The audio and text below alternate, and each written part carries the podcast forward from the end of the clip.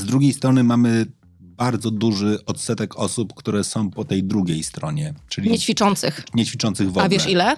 Nie, ale jestem przerażony, jak mi zaraz podajesz dane. No, 65% osób w Polsce w ogóle nie ćwiczy. W 2022 roku, e, według naszych badań, e, ilość e, zwolnień lekarskich wzrosła o 32%, tych spowodowanych bólem pleców.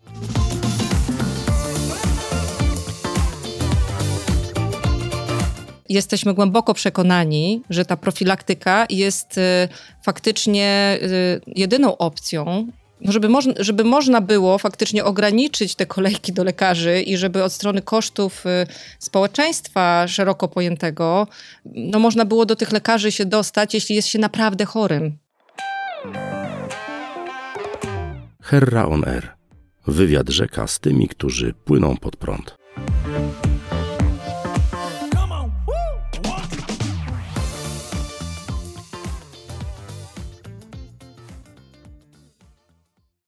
To, co najważniejsze, to cykl rozmów, w których, no właśnie, w dużej mierze rozmawiamy o tym, co jest najważniejsze, ale też pokazujemy najlepsze praktyki.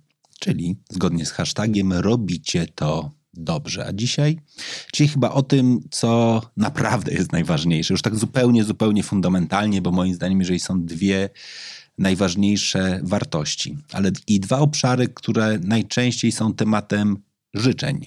To życzymy sobie szczęścia i życzymy sobie zdrowia. I dzisiaj mniej o szczęściu, więcej o zdrowiu, ale ja akurat wierzę bardzo mocno, że te dwie kategorie też się przenikają. Nie jest tak łatwo być w pełni szczęśliwym, nie będąc w pełni zdrowym. To co?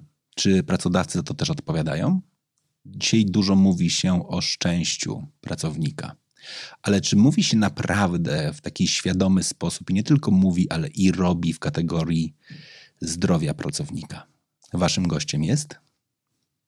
Justyna Gościńska, Skąd? y, szef sportu i fitness w Medicover. Medicover. Ja mogę nawet to powiedzieć, bo 20 parę lat temu pracowałem dla firmy, której właścicielem był ten sam fundusz, co fundusz zakładający Medicover w, e, w Polsce, ale też w Rumunii i w wielu innych miejscach, więc trochę wam, was znam, ale jesteście firmą, która, no właśnie, rozpoczęła swoją działalność od dostarczania usług prywatnej służby zdrowia.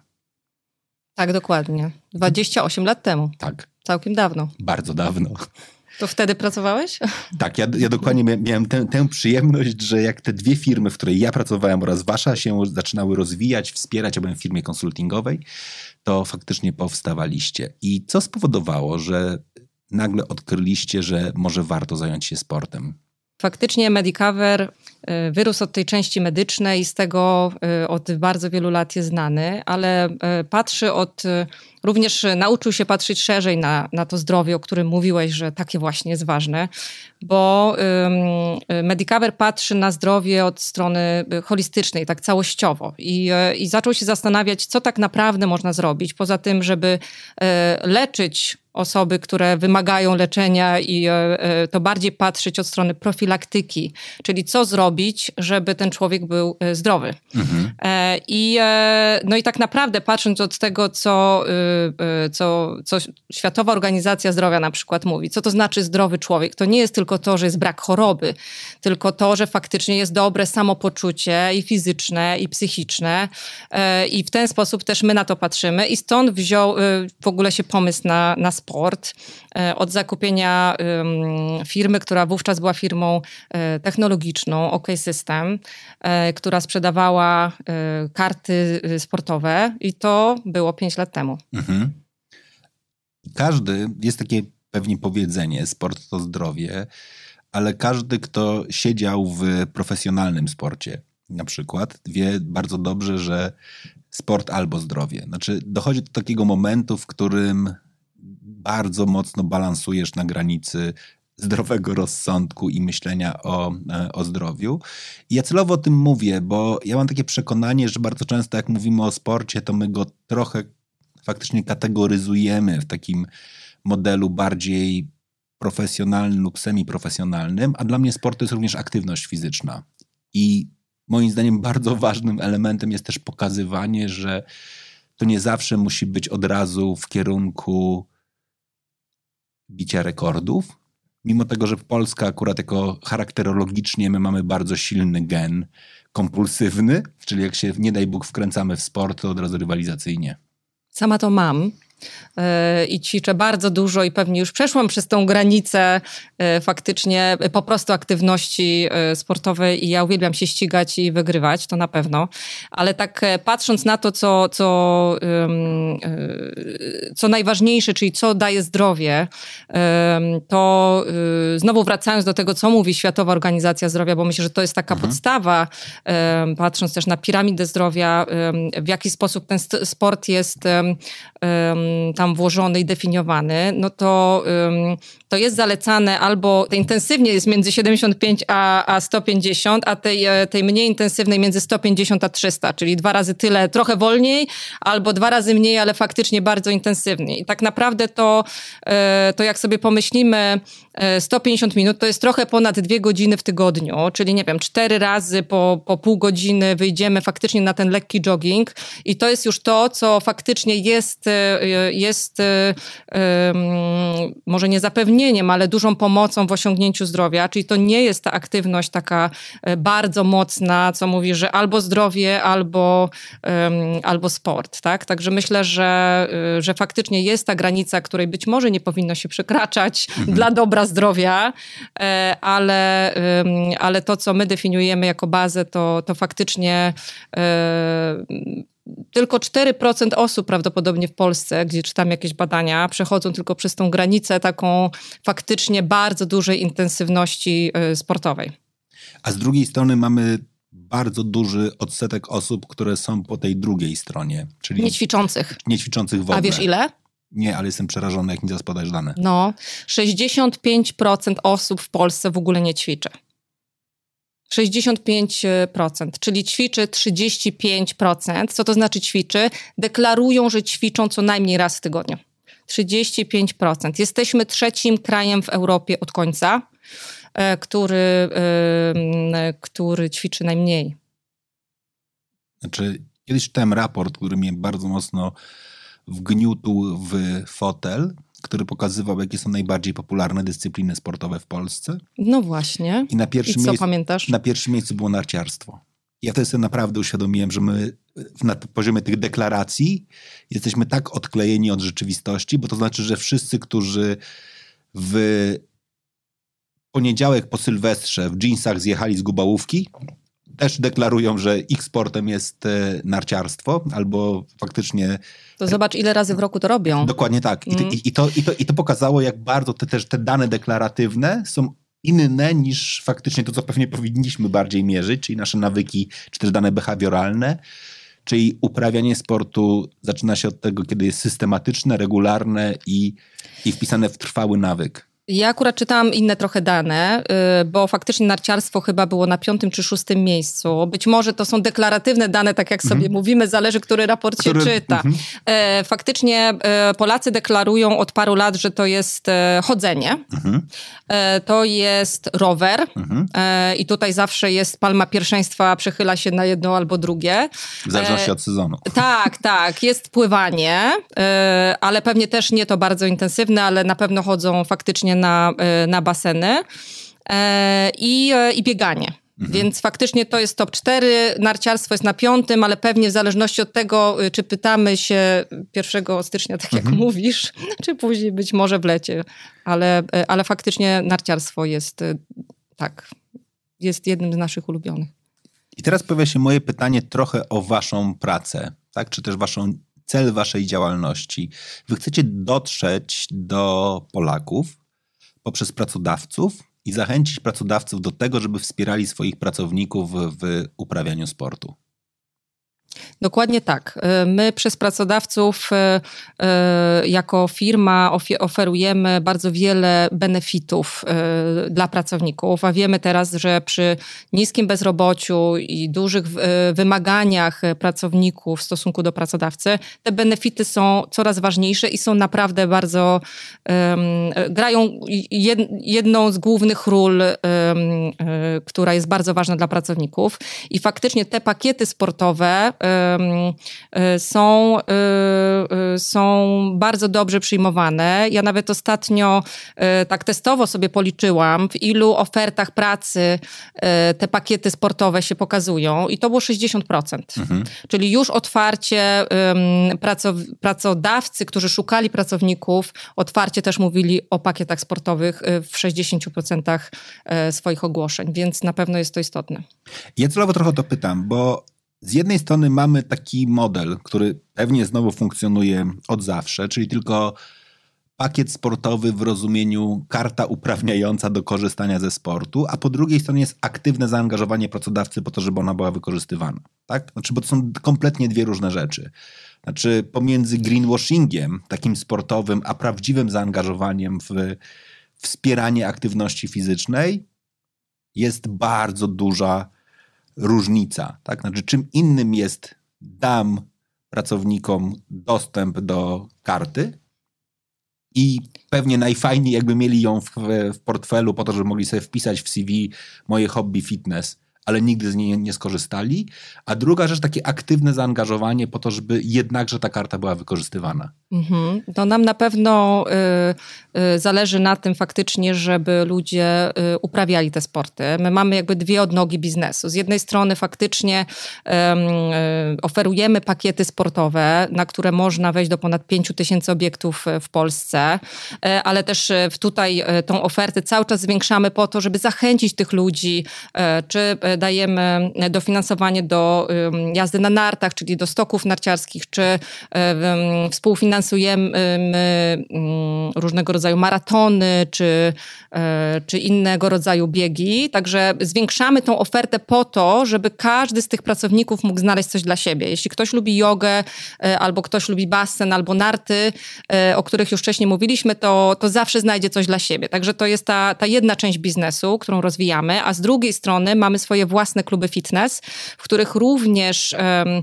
Um, oczywiście można realizować i przychodzić i, e, i używać tej karty, te, tego pakietu Medicover Sport i tam również oferujemy takie zajęcia, które widzimy, że są, um, są faktycznie potrzebne um, po to, żeby również pracownicy mogli korzystać coraz bardziej z tych, z tych zajęć. Dlaczego własne kluby?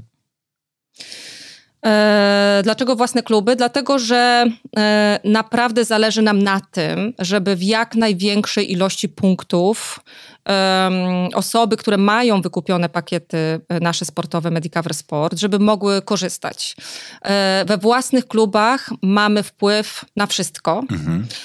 Od tego, jak wygląda to miejsce, jakiej jest wielkości, jakie oferujemy serwisy. E, to, że również dla osób, które mają pakiety Medicover Sport oferujemy pierwsze treningi e, z trenerem personalnym. To, że wprowadzamy pierwsze cztery tygodnie dla nowych osób, które nigdy wcześniej nie ćwiczyły, to teraz zapraszamy ich na specjalny Well Star w naszych klubach Well Fitness po to, żeby mogły zobaczyć, jak się ćwiczy z profesjonalnym trenerem, w jaki sposób wykonywać zajęcia, czy to części fitness, czy na wolnych ciężarach ciężarach czy cardio, po to, żeby mogli zostać z nami dłużej i żeby chcieli z nami ćwiczyć. Więc e, faktycznie we własnych klubach mamy wpływ na wszystko. E, I, e, I w związku z tym mamy też wpływ na to, żeby dobrze przyjąć tych klientów. I tu pojawia się taki dla mnie bardzo ważny efekt synergii pomiędzy tą częścią sportową a częścią medyczną. Czy wasi lekarze w ramach recepty już wypisują sport? Tak. Nie wiem, czy cię zdziwiłam tą odpowiedzią, czy nie, ale mamy e, lekarzy medycyny stylu życia, Medicover i faktycznie y, oni y, przepisują sport na receptę, jeśli możemy tak powiedzieć, ale faktycznie myślę, że y, jesteśmy w tej chwili na tyle świadomym społeczeństwem i widzimy ile osób faktycznie choruje, nie wiem, czy na bóle pleców, czy na faktycznie te wszystkie choroby odcywilizacyjne, o których wcześniej mówiłam. I ten sport jest rozwiązaniem i poprawia dobre samopoczucie pracownika. Czy wiesz na przykład w zeszłym roku, o ile wzrosły zwolnienia lekarskie spowodowane bólem pleców? To jest Do... bardzo ciekawa statystyka. Domyślam się, że gigantycznie, biorąc pod uwagę, że jest tutaj efekt jednej bardzo ważnej rzeczy, a mianowicie chociażby efekt home office'u, czyli pracy przy biurkach, które bardzo często nie spełniają kryteriów. Tak, na pewno. W 2022 roku, e, według naszych badań, e, ilość e, zwolnień lekarskich wzrosła o 32%, tych spowodowanych bólem pleców. I, I faktycznie rozwiązaniem, jednym z rozwiązań, poza tym, że siedzimy prosto i mamy dobrze dobrze, y, dobrze zbudowane miejsce pracy na dobrej wysokości e, e, krzesło czy stół, to na pewno jest sport. I to, że, że się ruszamy, to, że wykonujemy odpowiednie e, ćwiczenia do, do naszych potrzeb. Ja bym chciał wrócić do tej medycyny stylu życia, mhm. bo to jest mhm. w ogóle przepiękna, przepiękna kategoria. To nie jest tylko sport, bo styl życia to jest coś więcej, szczególnie w kategorii jakby medycznej. Czy wy też za to odpowiadacie? Tak, no my mamy całe portfolio y, lekarzy u siebie, więc faktycznie ta część tej recepty na sport to jest tylko mhm. jeden maleńki wycinek tego y, faktycznie, w jaki sposób możemy pomóc naszym pacjentom. Y, I to wszystko wpisuje się w, ten, w te nasze patrzenie na część profilaktyczną, ale też y, y, faktycznie na tą część medyczną. Także y, lekarze po prostu decydują, którą drogą danego pacjenta poprowadzić. No i ta recepta na sport jest jedną z dróg.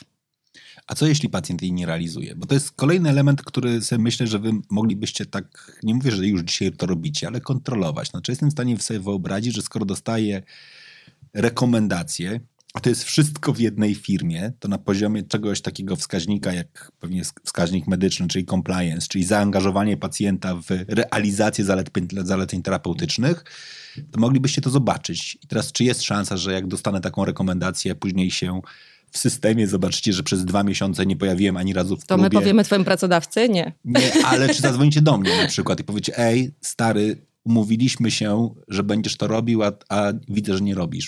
Wiesz co, y, jeśli przyjdziesz do klubu i zrobisz y, y, pierwsze wprowadzenie z trenerem personalnym i wtedy faktycznie my cię poznamy od tej strony klubu, to my do ciebie zadzwonimy i zapytamy się, jak się masz i kiedy do nas wrócisz. To, czego nie chcemy robić, to nie chcemy robić jakiegoś sztucznego nacisku.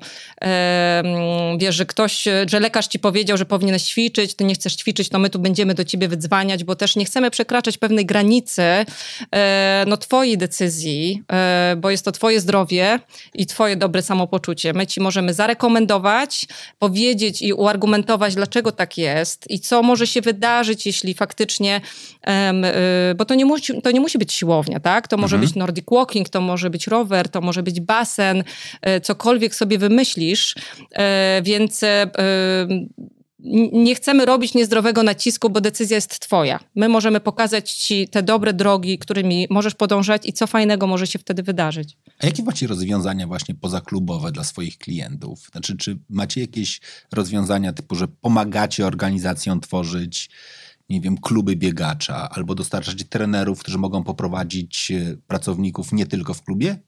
E, tak, mamy bardzo wiele rozwiązań. Takim e, fajnym rozwiązaniem, moim ulubionym, e, jest coś, co się nazywa Active Day, czyli jak jest duża organizacja i, i chcemy pokazać dużej rzeszy pracowników, jakie mamy możliwości, albo zapraszamy do zapisów, bo akurat jest to nasz nowy klient, który ma dużo pracowników w jednym miejscu albo w paru miejscach, to wtedy organizujemy dla nich coś, co nazywa się Active Day i przychodzimy do nich z trenerami, mierzymy mamy takie możliwości do pomiaru, ile masz, ile ważysz, ile masz tłuszczu, wody i tak dalej, cały pomiar twojego, twojego ciała, po to, żebyś zobaczył czarno na białym, co tam u ciebie słychać, żeby cię jeszcze bardziej zmotywować.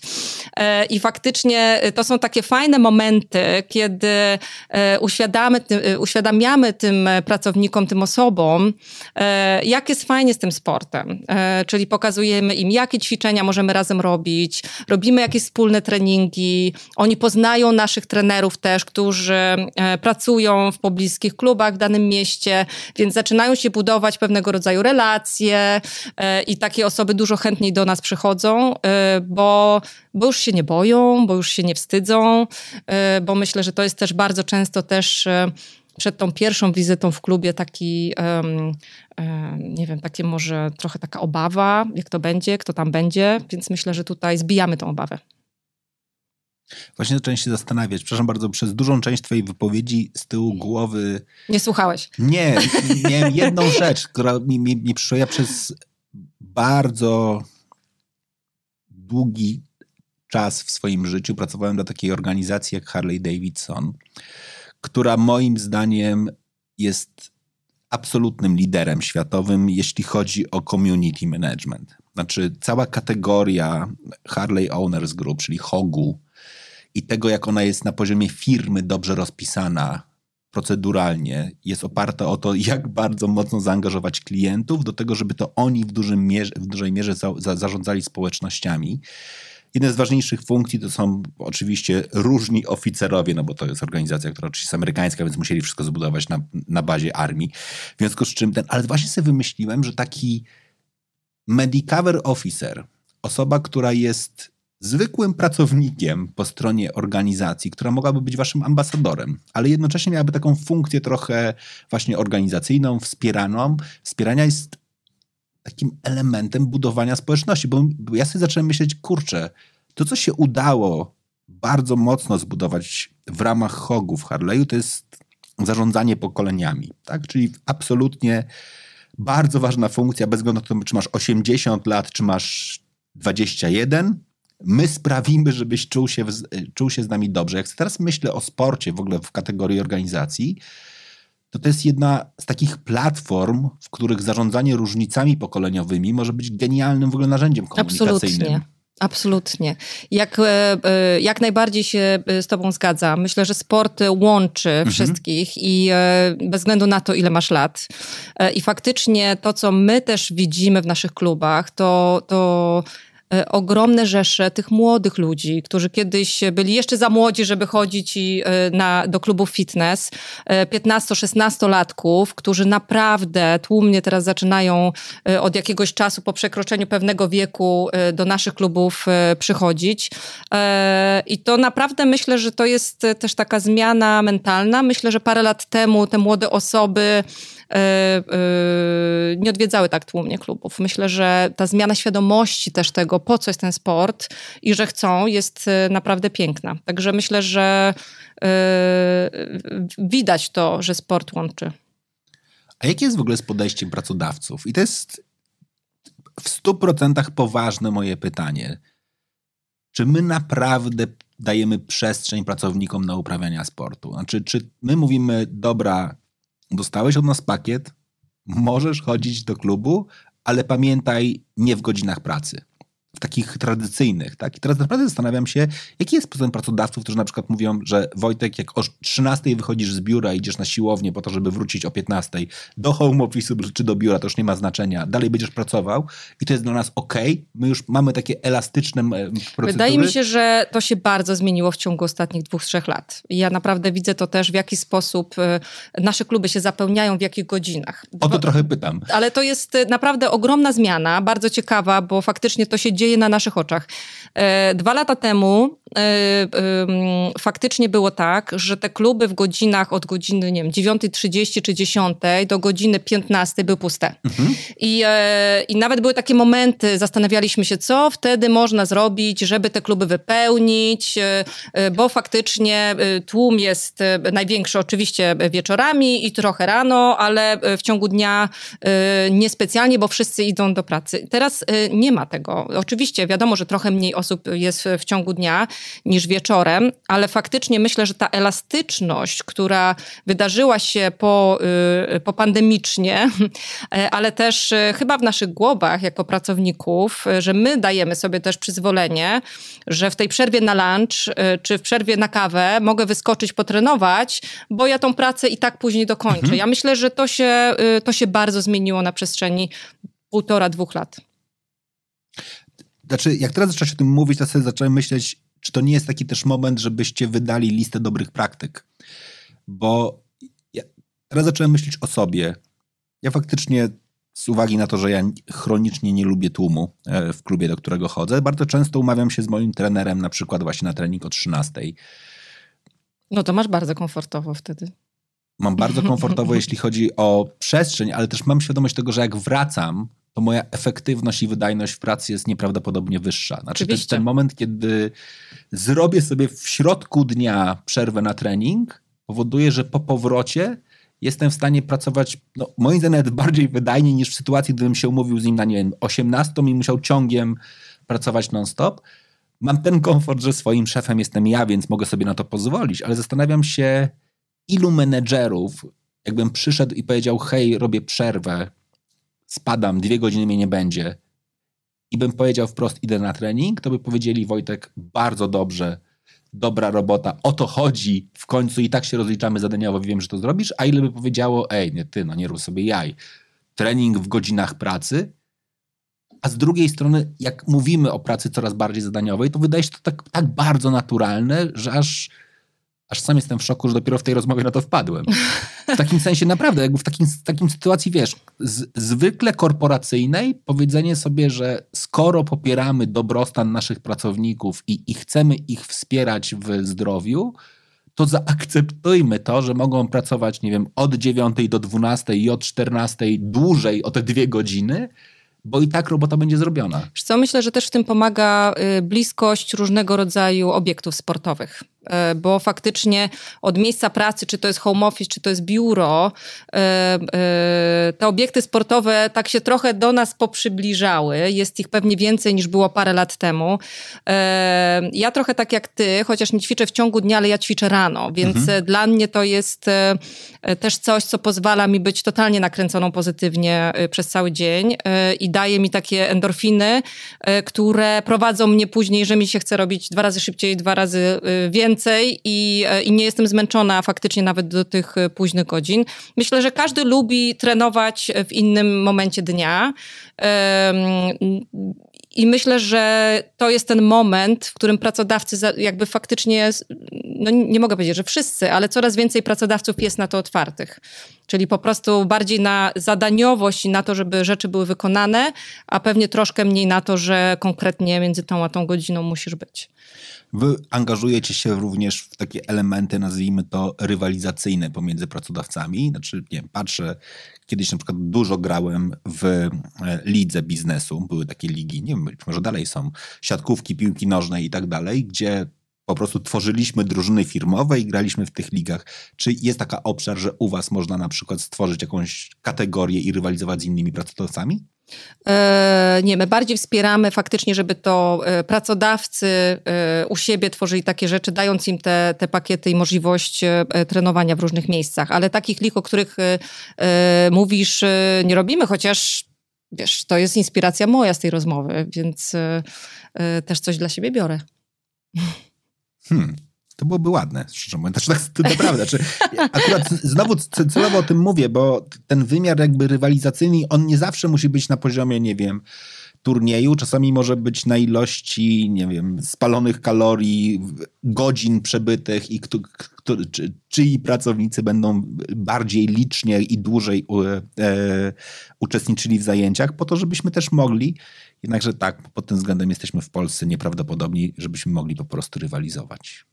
Myślisz, że wszyscy Polacy lubią rywalizować? Czy Wiesz co, ja należysz do jakiejś pewnego rodzaju mniejszości? Wiesz co, ja mogę to, o, o to powiedzieć, bo nie, mój brat, który tam między innymi jest akurat trenerem golfa, e, on mówi, że to jest nieprawdopodobne jakby i, i granie tylko w Polsce, gra dużo za granicą też. Mówi, że to jest nieprawdopodobne, jeśli chodzi o styl jakby w tej dyscyplinie. Wszędzie na świecie jest tak, że wyjście na rundkę golfa jest po prostu przyjemnością. U nas jest bardzo dużo graczy, którzy grają tylko turniejowo na przykład i w ogóle uważają, że pójście po, pograć sobie dla przyjemności jest bardzo niskie, a nawet jak idą grać na przyjemności, to poziom rywalizacji w czwórce, która gra w Polsce versus reszta świata jest nieprawdopodobnie różne. My ma, mamy ten gen, że nawet jakby na tych kilkunastu dołkach to i tak musimy wygrać. No. No ja akurat bardzo lubię rywalizować faktycznie, więc ja to bardzo rozumiem. Tak, to jest taki element, który się bardzo mocno pojawia w wielu kategoriach. Bieganie jest cudownym przykładem. Tak? Znaczy ilość osób biegających w Polsce w kategorii joggingu, a ilość, którzy biegają, bo się przygotowują do kolejnego e, biegu ulicznego, w którym chcą bić kolejny rekord, jest, e, jest znowu mamy duże różnice. Ale światowe. nie wydaje ci się, że na przykład faktycznie przygotowywanie się, czyli dawanie sobie jakichś celów, nawet za rok, ja teraz się na przykład zapisałam y, na maraton w Berlinie. Może mnie ktoś tam wylosują, bo jest losowanie niedługo. I faktycznie dawanie sobie takich długoterminowych celów y, powoduje, że, że chce nam się bardziej ćwiczyć. Czyli jakby prowadzi nas przez tą zdrową aktywność fizyczną, trochę nas motywuje do tego, żeby, nie wiem, wcześniej wstać albo później się położyć, żeby pójść na ten trening, czy w ciągu dnia, tak jak ty wolisz. Y, ale no jakiś taki challenge, jakiś motywator, żeby lepiej wypaść za rok. Mi się wydaje, że to jest bardzo dobre. Równie dobrze można po prostu wstawać codziennie dla przyjemności i przy okazji, jako trochę efekt uboczny, za rok lepiej wypaść. Znaczy, to jest, y, to jest bardzo charakterystyczne i to pewnie w ogóle wychodzi w dużej ilości e, badań. My potrzebujemy faktycznie tego elementu sprawdzenia. I faktycznie ten, ta motywacja często zewnętrzna, płynąca z tego, że mam start, pomaga i nie mówię, że to jest złe, tak? Znaczy, to jest pewna charakterystyczna rzecz, warto ją wykorzystywać. Jak najbardziej. Do tego, żeby faktycznie jakby utrzymywać ten, ten, ten moment. No dobra. Jednym z najważniejszych elementów, który pomaga w utrzymaniu rygoru treningowego, jest to, żeby po starcie wytrwać pierwsze miesiące, ale też się nie zrazić. Jakie macie strategię tego, żeby się nie zdradzać 1 stycznia? Celowo o tym mówię, bo to jest taki moment, kiedy widzimy w większości miejsc sportowych wielką falę osób i większość trenerów mówi, dobra, spoko, spoko, poczekaj do 15 lutego, będzie wolny. Tak, tak, właśnie, bo 1 stycznia to są te wielkie postanowienia, także wielkie y, y, powroty na siłownię, które gdzieś tam później y, y, faktycznie być może część osób decyduje się, że jednak może inne sporty albo w ogóle inne albo... aktywności y, będzie preferować. Y, wiesz co, ja myślę, że to, co jest, na, jakby jest pewnie parę ścieżek do tego. Po pierwsze to jest faktycznie to wprowadzenie, no bo inaczej troszeczkę myślą osoby, które zawsze trenowały, nie wiem, latami ćwiczyły i one bardziej rozumieją, po co to robią, albo mają jakieś cele, ćwiczą do zawodów, tak jak powiedzieliśmy. Inaczej, yy, inaczej osoby, które nigdy nie były na tym treningu i dla nich właśnie mamy te programy wprowadzające yy, po to, żeby one lepiej czuły się na siłowni, żeby wiedziały, jak ćwiczyć, żeby wiedziały, po co ćwiczyć, jakie mają parametry, E, I, e, I one mają te właśnie miesięczne e, programy wprowadzające. I myślę, że to, tak jak my patrzymy sobie statystycznie, ile takie osoby, które przejdą przez ten program wprowadzający, i właśnie po to je wprowadziliśmy, ile takie osoby, jak długo ćwiczą, versus takie osoby, które tylko 1 stycznia przyjdą, tak jak mówisz, bo, bo wymyśliły sobie to i dały jako challenge, to ta różnica jest duża. Dlatego nam bardzo zależy na tym, żeby y, ludzie, y, y, nasi klienci nowi przechodzili przez te programy, żeby, żeby, żeby lepiej rozumieli, w jaki sposób ćwiczyć, bo wtedy z nami dłużej zostaną, a nam na tym oczywiście zależy. Pracodawcy są zaangażowani w to, żeby pracownicy wykorzystywali?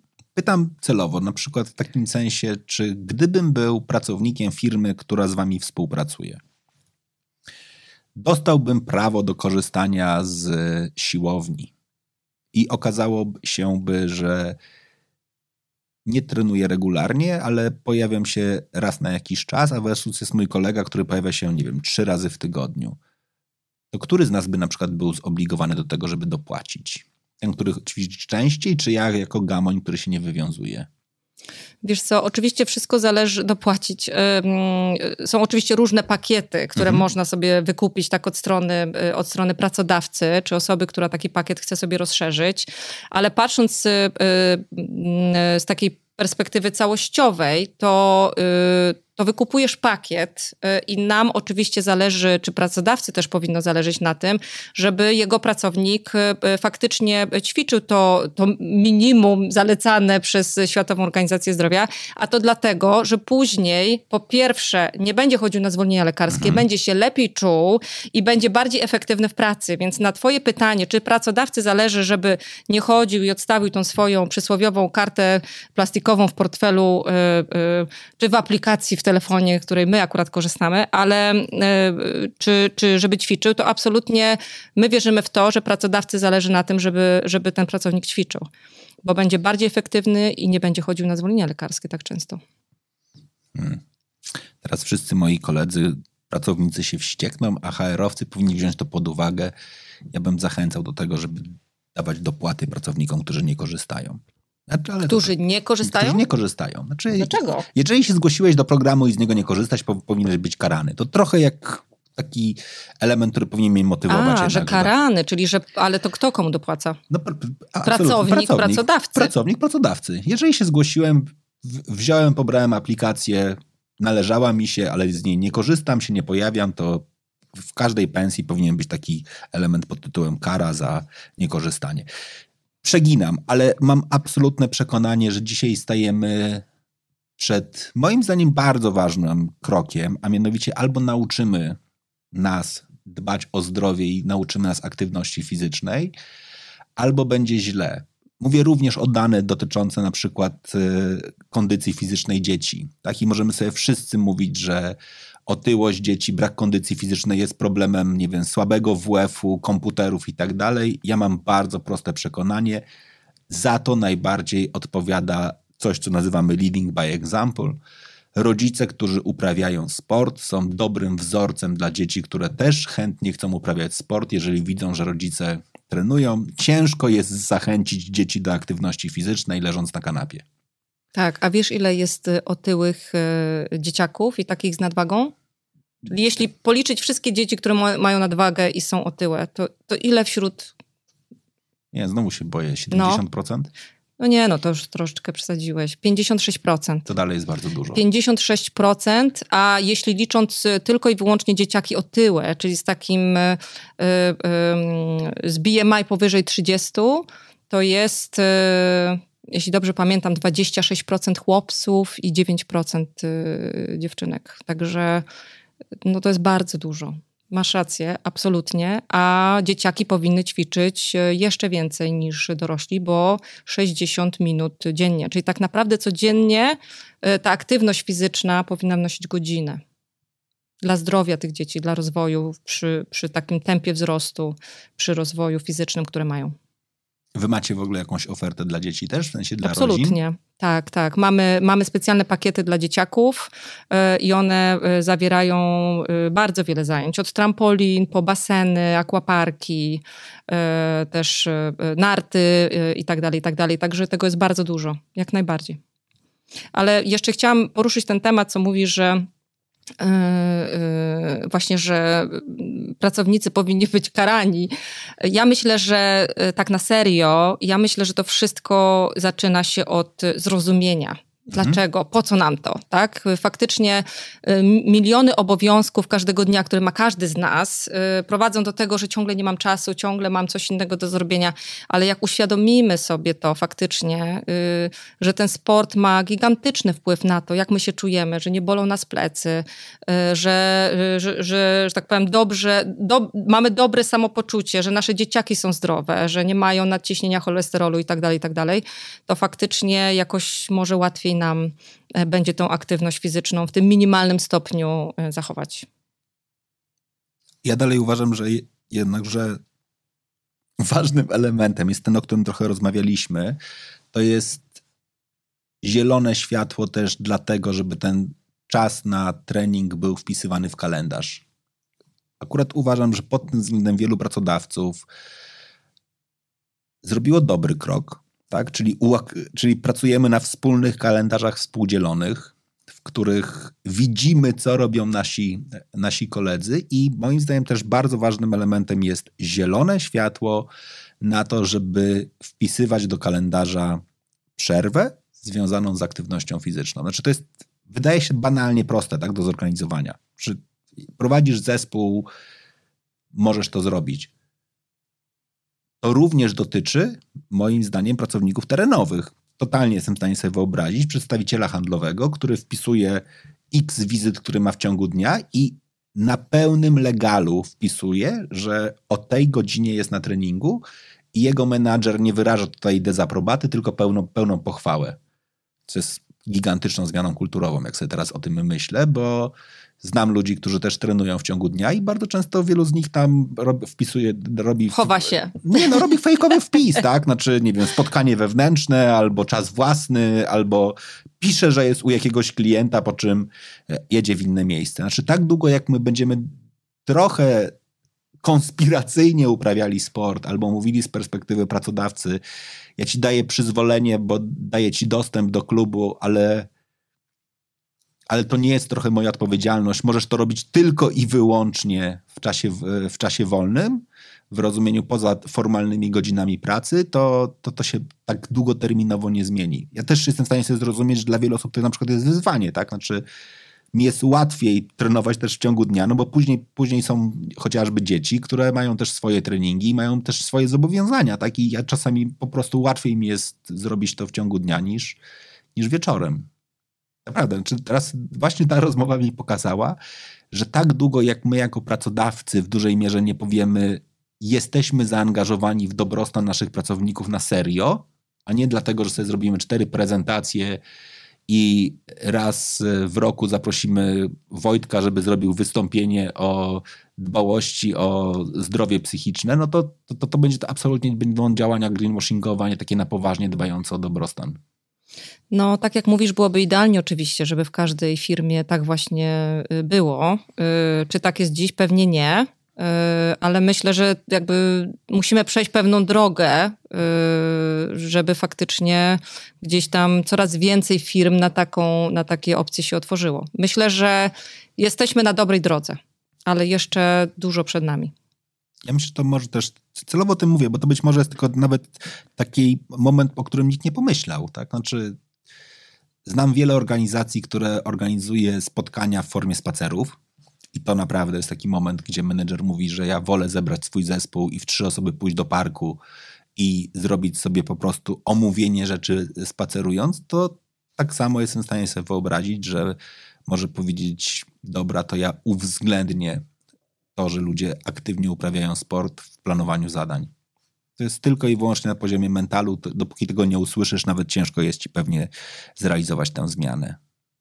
Ja ostatnio widziałam nawet y, y, sale, które mają takie bieżnie, y, gdzie można na spotkaniach jeden na jeden, y, każdy sobie idzie na swojej y, małej bieżni i tutaj ma takie, y, taki stoliczek, gdzie może sobie zeszyt trzymać. Także to też jest w dobrym kierunku.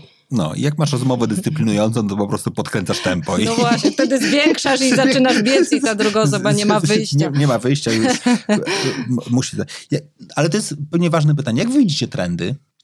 Bo rozumiem, że jakby analizujecie pewnie. Jak, jak patrzycie na prognozy dotyczące aktywności fizycznej, fizycznej Polaków, to jak ona się będzie zmieniała? Ona musi się, y, ona musi się zwiększyć, patrząc na trendy, y, bo y, znaczy jest, jest parę rzeczy faktycznie. Z jednej strony widzimy to, i to potwierdzają trendy światowe, że to w jaki sposób ćwiczymy będzie takim łączeniem paru różnych światów e, w jedno. Czyli to nie jest tak, że zawsze będziemy chodzić tylko na siłownię, albo zawsze mhm. będziemy ćwiczyć tylko online, e, albo tylko jeździć na rowerze. Tak jakby te światy się przenikają i, e, i trend pokazuje, że większość z nas te trzy światy łączy. Czyli czasami chodzi na siłownię, czasami uprawia sport Nordic Walking, czy jadę na rowerze, czyli na dworzu, a czasami właśnie jak dzieci mają coś do zrobienia w domu i nie mam z kim zostawić, to ćwiczę w domu.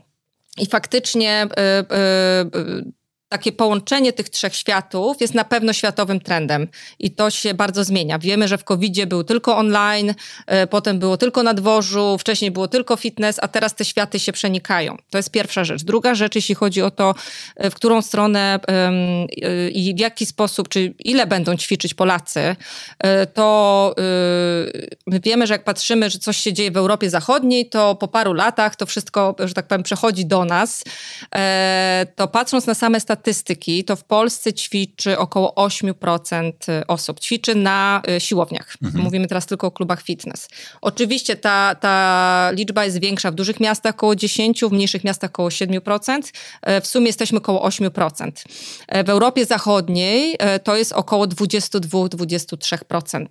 Więc patrząc na tą różnicę, to już jakby widzimy, że faktycznie potencjał rozwoju i tego, ile będziemy ćwiczyć, czy ilu z nas będzie będzie chodzić e, na zajęcia w klubach fitness, e, no, ma potencjał razy dwa i pół, razy trzy. E, I myślę, że to jest na pewno taki trend, który w ciągu najbliższych paru lat, paru lat będzie bardzo zauważalny. Czy my w ogóle też na poziomie pracodawcy widzimy taki trend jak aktywność fizyczna w domu? Wiesz co, tak jak mówiłam, to jest część trendu, który mhm. łączy się z tą aktywnością na dworzu i z aktywnością w klubach. E, więc faktycznie to ćwiczenie w domu jest częścią i czasami nam się zdarza. Nie jest aż tak masowe, jak było w czasie COVID-u, bo nie było mhm. wyjścia wtedy. To co, to, co teraz powoduje naszą chęć wyjścia do klubów, to jest, e, to jest bycie jakby częścią społeczności, z ludźmi, dla zdrowia psychicznego. E, spotkam się ze znajomymi i po prostu jest mi miło. Natomiast wracając do twojego pytania odnośnie wypożyczania różnych sprzętów, które można używać w domu, takiego trendu nie widzę. Nie czujemy tego, nie widzimy, nie słyszymy tego z rynku, żeby taka potrzeba była, chociaż dużo mówiło się o takiej opcji po COVID-zie, mhm. czyli w momencie, kiedy e, jak zaczął się COVID, to wiemy, że w sklepach zabrakło całego sprzętu, w ogóle nie można było kupić nigdzie mhm. hantelków, ławeczki, w ogóle były niedostępne po prostu wymiotło. Mhm. E, I wydawało się, że faktycznie wtedy dobrym pomysłem na biznes, czy, czy w ogóle na rozwój e, biznesu będzie to, że róbmy wypożyczalnie sprzętów. E, ale e, ta potrzeba powrotu do społeczności, do ludzi, do, do, do ćwiczenia faktycznie, może nie zawsze, ale czasem w, wśród ludzi, spowodowała, że e, nie widzimy tego trendu już. On gdzieś zanikł i faktycznie kto chce mieć matę, to po prostu ma tą matę, bo nie jest to aż sprzęt taki drogi, że trzeba byłoby go wypożyczać. Natomiast jeśli chodzi o te cięższe sprzęty, mm, to, to nie widzimy tego. A jak wygląda w ogóle aktywność z kolei w firmach? W dużej ilości pracodawców już powstają takie momenty, miejsca, pewnie najbardziej znane w Polsce kiedyś z firm azjatyckich, w których każdy dzień się zaczynał od rozgrzewki i wspólnego trenowania i małej gimnastyki. Czy w ogóle jakby trenowanie w miejscu pracy jest trendem, który się pojawia? Yy Niespecjalnie. Mhm. E, niespecjalnie. E, oczywiście są, e, czasami zdarzają się pracodawcy, którzy na przykład budują swoją małą siłownię, bo mhm. mogą sobie na to pozwolić. Czasami są pracodawcy, którzy zapraszają do klubu, który jest blisko i na przykład dla danych pracowników jest o jakiejś godzinie, są prowadzone zajęcia. W klubie jest łatwiej to wszystko zorganizować niż w biurze, bo w biurze trzeba mieć miejsce. Mhm. Bardzo często też to, co, to, co jest przeszkodą, przeszkodą w tego typu ćwiczeniach jest to, że ci pracownicy trochę nawzajem się y, siebie krępują, nie mają mhm. się gdzie wykąpać, y, jakby muszą się jednak przebrać w te leginsy, więc y, nie jest to faktycznie jakiś taki masowy trend, który by się przyjął, że wszyscy przychodzimy na dziewiątą i o 9.10 jest rozgrzewka do 10, wszyscy razem ćwiczmy. Faktycznie czasami takie rzeczy się zdarzają, my też czasem takie rzeczy organizujemy, ale nie jest to na pewno trend, czyli przynoszenie sportu do biura nie jest trendem, Większym trendem jest absolutnie wynoszenie, wynoszenie... tego sportu do klubów, mhm. gdzie tam mamy właściwy sprzęt, prysznic i dobrego instruktora, który gdzieś tam jest w stanie tych ludzi przytrzymać i dobre nagłośnienie, które powoduje, że nam się chce bardziej ćwiczyć.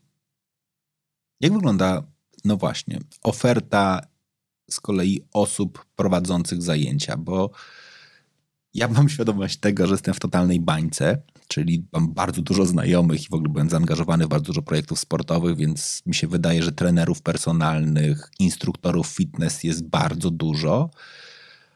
A zastanawiam się, jak to w ogóle wygląda na terenie Polski. Czy łatwy jest dostęp do dobrego trenera, czy jakby to dalej jest zawód, który się rozwija, czy powoli będzie umierał? Yy, na pewno nie będzie umierał i na pewno się rozwija. Mhm. Czy łatwy jest dostęp do dobrego trenera? Łatwy jest dostęp, tak. Czy do dobrego trenera? To bardzo zależy od klubu i w jaki sposób, bo dzisiaj. Yy, nie jest y, trudno zostać trenerem mhm. personalnym mhm. od strony dokumentów czy zrobienia szkolenia, które uprawnia mnie do tego, żebym był trenerem personalnym. E, to nie jest takie, ta bariera nie jest e, e, bardzo trudna do przejścia. To, co oczywiście dobrym klubom, na czym zależy dobrym klubom, to jest to, żeby trenerzy personalni, którzy świadczą usługi na terenie tego klubu, byli dobrze wyszkoleni, mieli dodatkowe możliwości rozwoju, czy po prostu byli w stanie na tyle zapewnić usługę na takim poziomie, żeby faktycznie rozwijali tego swojego podopiecznego żeby zapewnili mu też um, powrót po, nie wiem, po jakiejś operacji, czy po, e, po jakimś urazie. I to, e, żeby ten trener był na takim wysokim poziomie, już nie jest takie bardzo oczywiste. My na przykład teraz zaczęliśmy bardzo mocno stawiać na to, żeby nasi trenerzy po, po dodatkowych szkoleniach z osobami pracującymi w rehasporcie, to mhm. jest y, y, fizjoterapeutami czy lekarzami, którzy faktycznie przeprowadzają operacje i u nas do stycznia w każdym klubie, którym jest naszym klubem, będzie trener, który będzie bardzo dobrze wyszkolony, żeby przyjąć osobę po operacji wracającą, czy po urazie ortopedycznym y, i zapewnić jej y, faktycznie bardzo profesjonalną opiekę trenerską. Więc y, i to nie jest proste, bo to są godziny pracy, godziny szkoleń z bardzo wysokiej klasy specjalistami, więc Dostęp w Polsce na pewno jest, czy we wszystkich klubach pewnie nie. I to jest sztuka, żeby faktycznie e, trenerzy ćwiczący w danych klubach taką opiekę na wysokim poziomie zapewniali. A jak z pokoleniem Silver?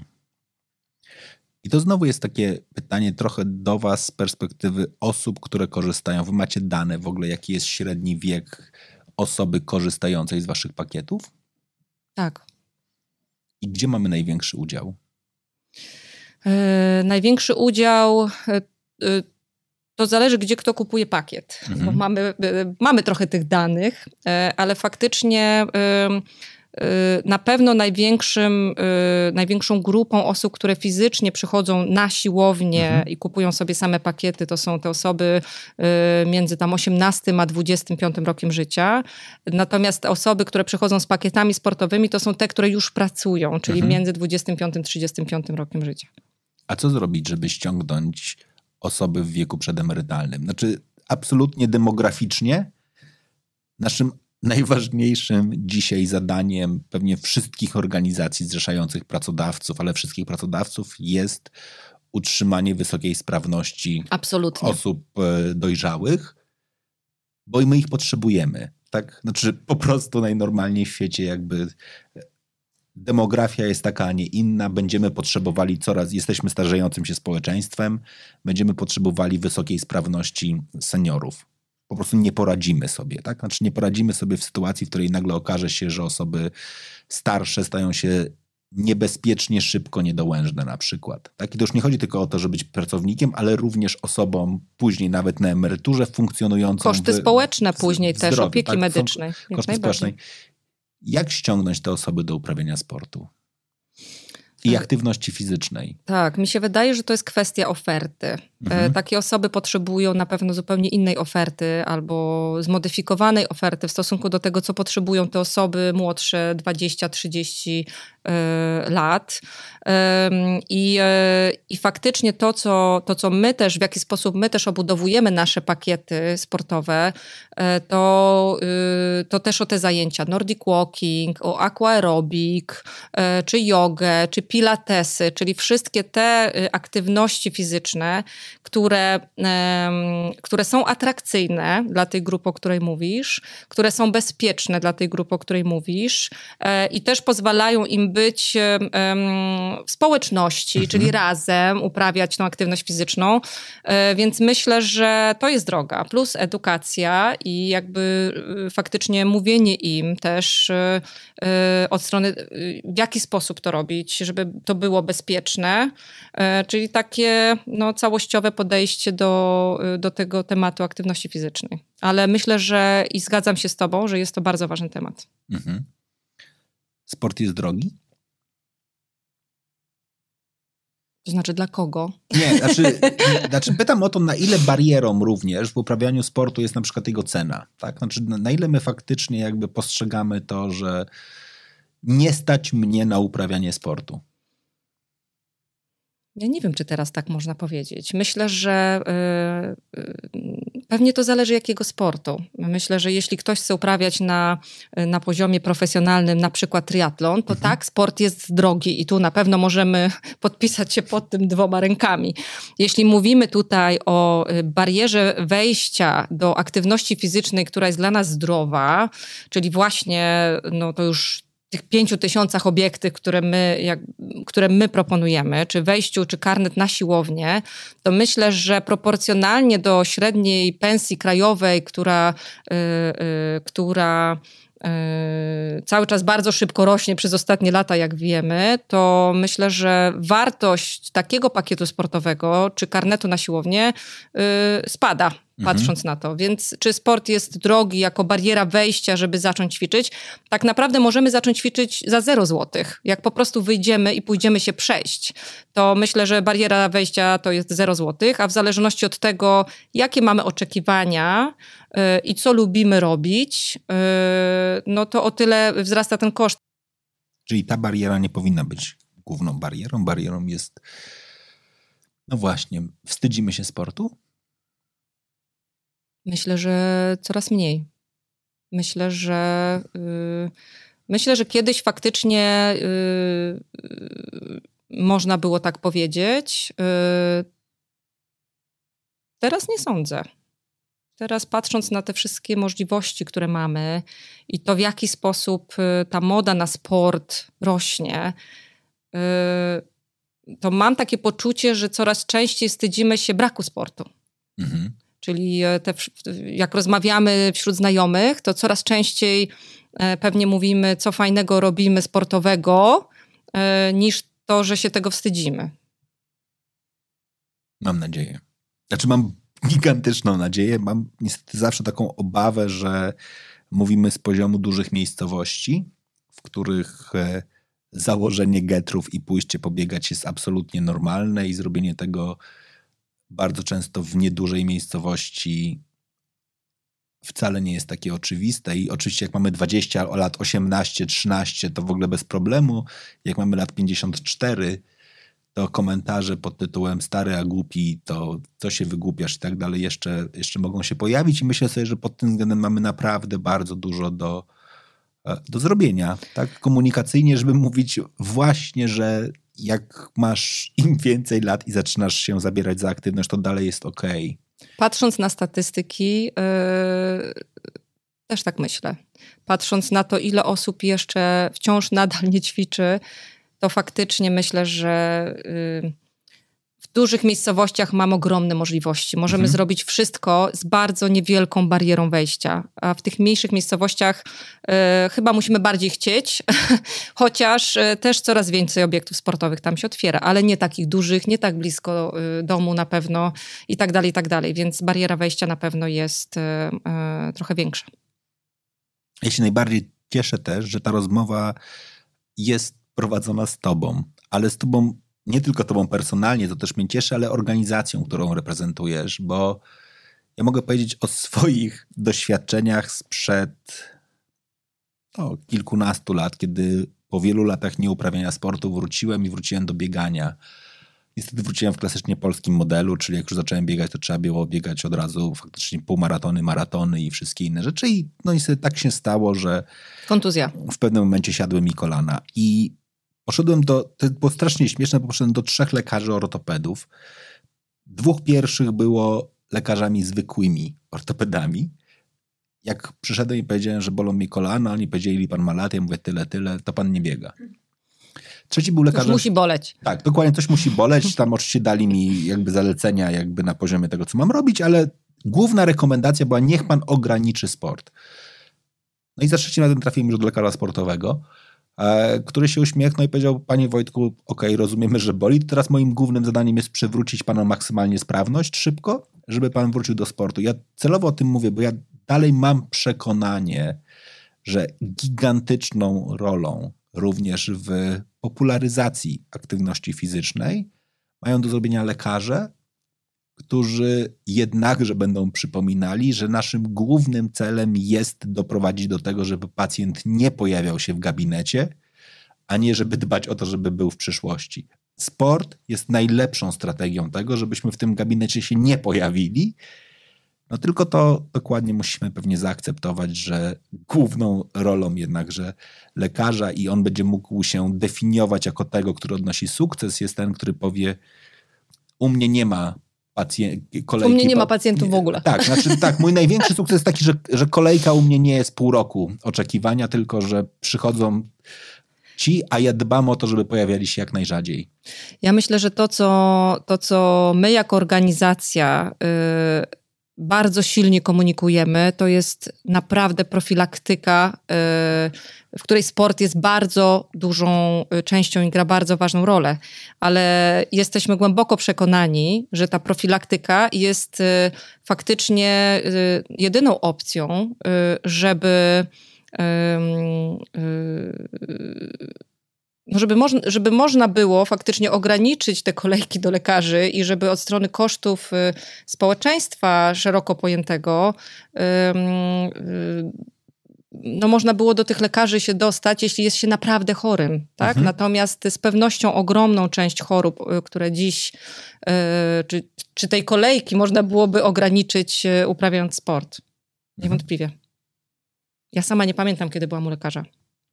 No, na, na badaniu rocznym, żeby sprawdzić, że wszystko jest w porządku. No widzisz? Ja z kolei dzisiaj miałem rozmowę ze swoją dietetyczką, która kazała mi znaleźć miejsce, w którym będę mógł zrobić sobie wszystkie pomiary, więc już wiem, że będę musiał pójść do was i sobie zrobić wszystkie pomiary. Oprócz badań oczywiście jakby laboratoryjnych. Teraz nie wiem, gdzie można je robić, bo wyciekły właśnie dane, ale mam nadzieję, że gdzie, gdzie, gdzie się jeszcze zrobię. Natomiast e, wr- wracając jednakże sobie trochę do, e, do tego pomiaru dokładnie tkanki tłuszczowej, wagi i ilości wody w organizmie, muszę sobie zrobić te pomiary. Dziękuję ci bardzo. Na, bad- na badania laboratoryjne zapraszamy do nas. Wiem, bo wasze dane nie wyciekają i to, to jest, Zapraszamy. to jest do, dobre, do, dobre miejsce. Dobra, dziękuję ci bardzo za tę rozmowę. Dziękuję. Ja naprawdę wynoszę stąd y, taką małą inspirację dotyczącą tego, że będę teraz chyba częściej rozmawiał z swoimi klientami, gdzie dużo rozmawiam jednakże z menedżerami, dużo prowadzę warsztatów o to, żeby chyba wyrazić zgodę na to, żeby żyć w transparentnym świecie. I naprawdę totalnie jestem zainspirowany tym, być może też trochę co sam powiedziałem, że kurczę, my nie daliśmy prawa takiego formalnego jeszcze na pełną aktywność fizyczną na poziomie organizacji. Znam pojedynczych menedżerów, którzy się zgodzą, ale taka wytyczna HR-owa pod tytułem masz prawo wpisać wyjście na basen o 13. Masz prawo wpisać wyjście na siłownię. Masz prawo pójść na jogę lub masz prawo iść na bieganie, nordic walking czy rower w takich tradycyjnych godzinach pracy i wierzymy, że jako organizacja dla nas jest to znacznie bardziej opłacalne, bo ty wrócisz z przewentylowaną głową, być może z nowymi pomysłami i tak dalej. Oczywiście rozumiem wszystkie osoby, które nie mogą tego zrobić. Jak ktoś pracuje przy linii produkcyjnej, to dobrze, że pewnie, żeby nie robił tej przerwy, bo to może zaburzyć cykl funkcjonowania e, zakładu, ale we wszystkich pozostałych miejscach myślę sobie, że dobrze byłoby, żeby przerwa na sport miała bardzo wysoki wskaźnik priorytetów organizacji. Tak, z jakiegoś dziwnego powodu nie, nie, nie burzymy się, jak jest e, przerwa na kawę czy papierosa, to może byśmy zaakceptowali przerwę na sport. To może teraz przerwa na pompki. Tak, no, to, Robisz? jest, to, jest, to jest dokładnie ten moment. Dziękuję Ci bardzo. Dzięki bardzo. A Wam bardzo dziękuję za wysłuchanie tej rozmowy i pamiętajcie, w Waszym najlepszym interesie, moim zdaniem, jest też wysłanie tej rozmowy swojemu menedżerowi lub do szefa HR-u. W końcu dzięki temu będzie Wam, mam nadzieję, łatwiej uprawiać sport. Dzięki.